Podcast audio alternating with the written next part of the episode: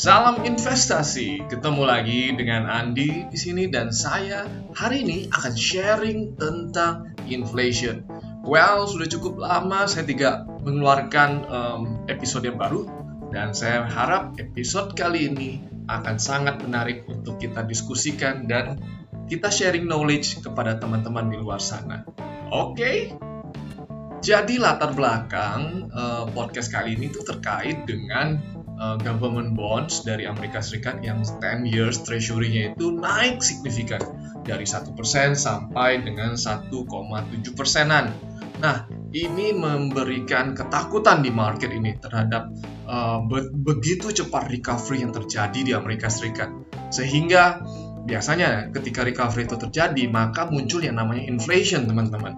Dan inflation itu uh, kan mengubah kebijakan moneter oleh the Fed. Nah, jadi ke, uh, ketakutan itu ya uh, ekonomi sudah membaik, sudah recovery ekonomi di Amerika Serikat, uh, sehingga tidak perlu adanya stimulus yang jum, jumlahnya lebih besar lagi dan harusnya sudah ada kenaikan suku bunga untuk mengerem laju pertumbuhan ekonomi di Amerika Serikat. Nah itu itu kondisi yang terjadi teman-teman. Saat ini uh, waktu saya merekam podcast ini, inflation di Amerika kurang lebih di 1,7 persen dan 10 years government bonds uh, eh, US Treasury itu ada di 1,71. Jadi kurang lebih hampir sama ya. Ini per tanggal kurang lebih uh, 5 April 2021. Sebenarnya inflation itu apa sih? Inflation itu kan adalah kenaikan harga-harga barang, ya kan, terhadap uh, kondisi tertentu. Nah, saya ingin jelasin teman-teman ada beberapa jenis inflation penyebabnya itu seperti apa aja sih? Nah, yang familiar sebenarnya ada tiga. Ya, yang pertama saya ingin uh, sharing terkait yang namanya demand pull inflation. Nah, demand pull inflation ini purely terjadi karena kebutuhan masyarakat yang tiba-tiba meledak demandnya tinggi dan uh, tidak diikuti dengan supply akan barang ataupun jasa. Contohnya apa? Nah, demand pull inflation ini kalau saya bisa gambarkan contohnya adalah sebagai uh, waktu tahun 2020 masker ya masker ya pada waktu itu kita bisa mengetahui bahwa harga masker tiba-tiba dari 30 ribuan 20 ribuan naik menjadi 200 ribuan dan 300 ribuan dan semuanya itu laku. Semua membutuhkan masker dalam jumlah yang besar. Bahkan uh, banyak orang berspekulasi menyetok masker sehingga harga itu gila-gilaan 250 ribu saya ingat banget dan satu box itu yang isi 50 mereka juga berbondong-bondong beli dan untuk menyetok di uh, di rumahnya mereka karena pandemi COVID-19.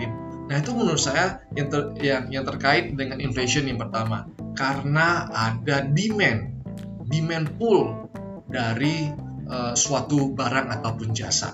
Ya nanti kita akan kaitkan di terakhir ini terkait dengan kondisi Amerika uh, ini seperti apa. Itu yang pertama. Dan yang kedua adalah terkait dengan cost push inflation. Jadi jenis inflation kali ini muncul purely karena mahalnya bahan baku, uh, uh, beban biaya dari suatu perusahaan itu memproduksi barang ataupun jasa mereka. Jadi ibaratnya adalah ini perusahaan-perusahaan sebenarnya demandnya biasa aja, ya kan? Cuman karena kenaikan bahan baku, kenaikan oil, bahan bakar dalam memproduksi barang dan jasa tersebut, secara nggak langsung ini eh, perusahaan harus menaikkan harganya. Ya kalau nggak dinaikkan harganya, maka profit mereka harus mengurangi profit marginnya mereka. Ya kan? Itu biasa keputusan dari uh, perusahaannya. Jadi inflation tipe kedua ini muncul purely karena cost ya beban biaya. Nah ini kuncinya adalah beban biaya. Itu tipe inflasi yang kedua. Nah yang ketiga, uh, yang ini terkait dengan inflation adalah built-in inflation. Jadi sebenarnya demand ya, uh, ya biasa aja. Jadi tipe inflasi yang ketiga ini muncul karena uh, ada ada faktor-faktor tertentu. Contohnya adalah kenaikan UMR. Nah, kenaikan UMR nggak diserta merta itu dengan uh, ya um, demandnya langsung naik kan nggak tentu kan tapi perusahaan ataupun uh, inflation bisa terjadi ya karena ya berdasarkan faktor UMR bahwa semua orang punya pendapatan lebih nih harusnya inflation akan naik nah otomatis ini inflation akan terikut otomatis naik Ini namanya built-in inflation. Tapi yang lebih familiar sebenarnya yang pertama dan kedua, yaitu tadi demand pull inflation dan cost push inflation. Nah, lalu pertanyaan teman-teman, apa hubungannya dengan ekonomi Amerika? Nah, saya ingin kasih gambaran pendapat saya terkait dengan inflation yang uh, terjadi di Amerika Serikat ini. Kita tahu bahwa suku bunga di Amerika Serikat ini sedang uh, dalam masa yang sangat rendah yaitu 0 sampai 25 basis point.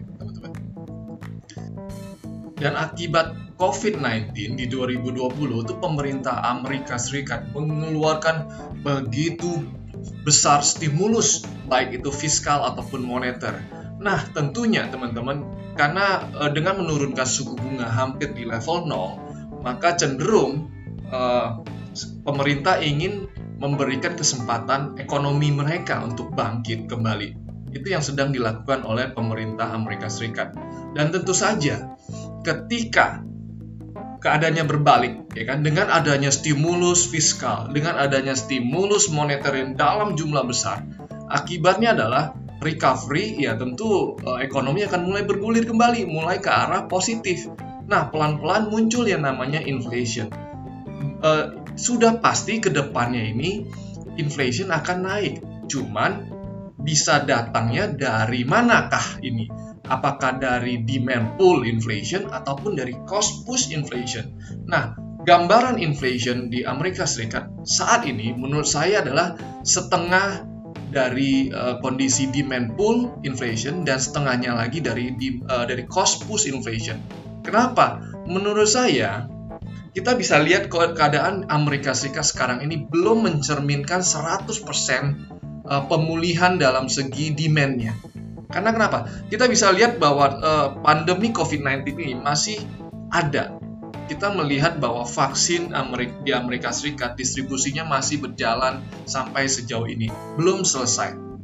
Ya, dengan kata lain apa? Masih terjadi pembatasan sosial dan bukan hanya di Amerika, bahkan di negara-negara Eropa ataupun di Asia masih sebagian menerapkan lockdownnya. Otomat, otomatis ini uh, ekspor Amerika ke negara-negara Eropa dan Asia itu terganggu. Otomatis juga demand-nya juga belum fully recovery.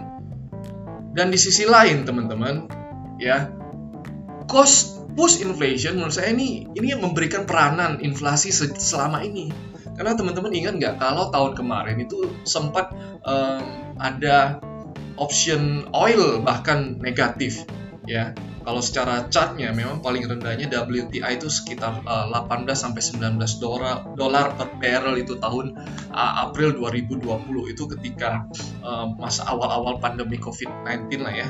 Nah, itu Bayangkan tiba-tiba naik sempat mencapai 70, sekarang kurang lebih di angka 60 dolar per, uh, per barelnya. Nah ini gambaran bahwa increasing cost dari operasional ini juga uh, bahan bakunya juga mengambil peranan yang penting terhadap kenaikan harga barang dan jasa belakangan ini.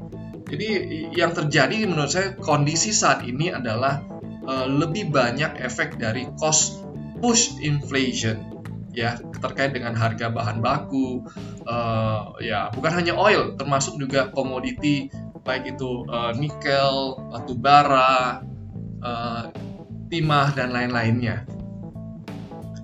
Dan kita juga bisa lihat sebenarnya bahwa inflation kali ini di Amerika Serikat bukan purely karena demand pull inflation ya. Uh, kita bisa lihat nih dari segi unemployment uh, rate-nya nih bahwa kalau Amerika itu biasanya sebelum pandemi itu sekitar uh, 2 sampai 3 persen.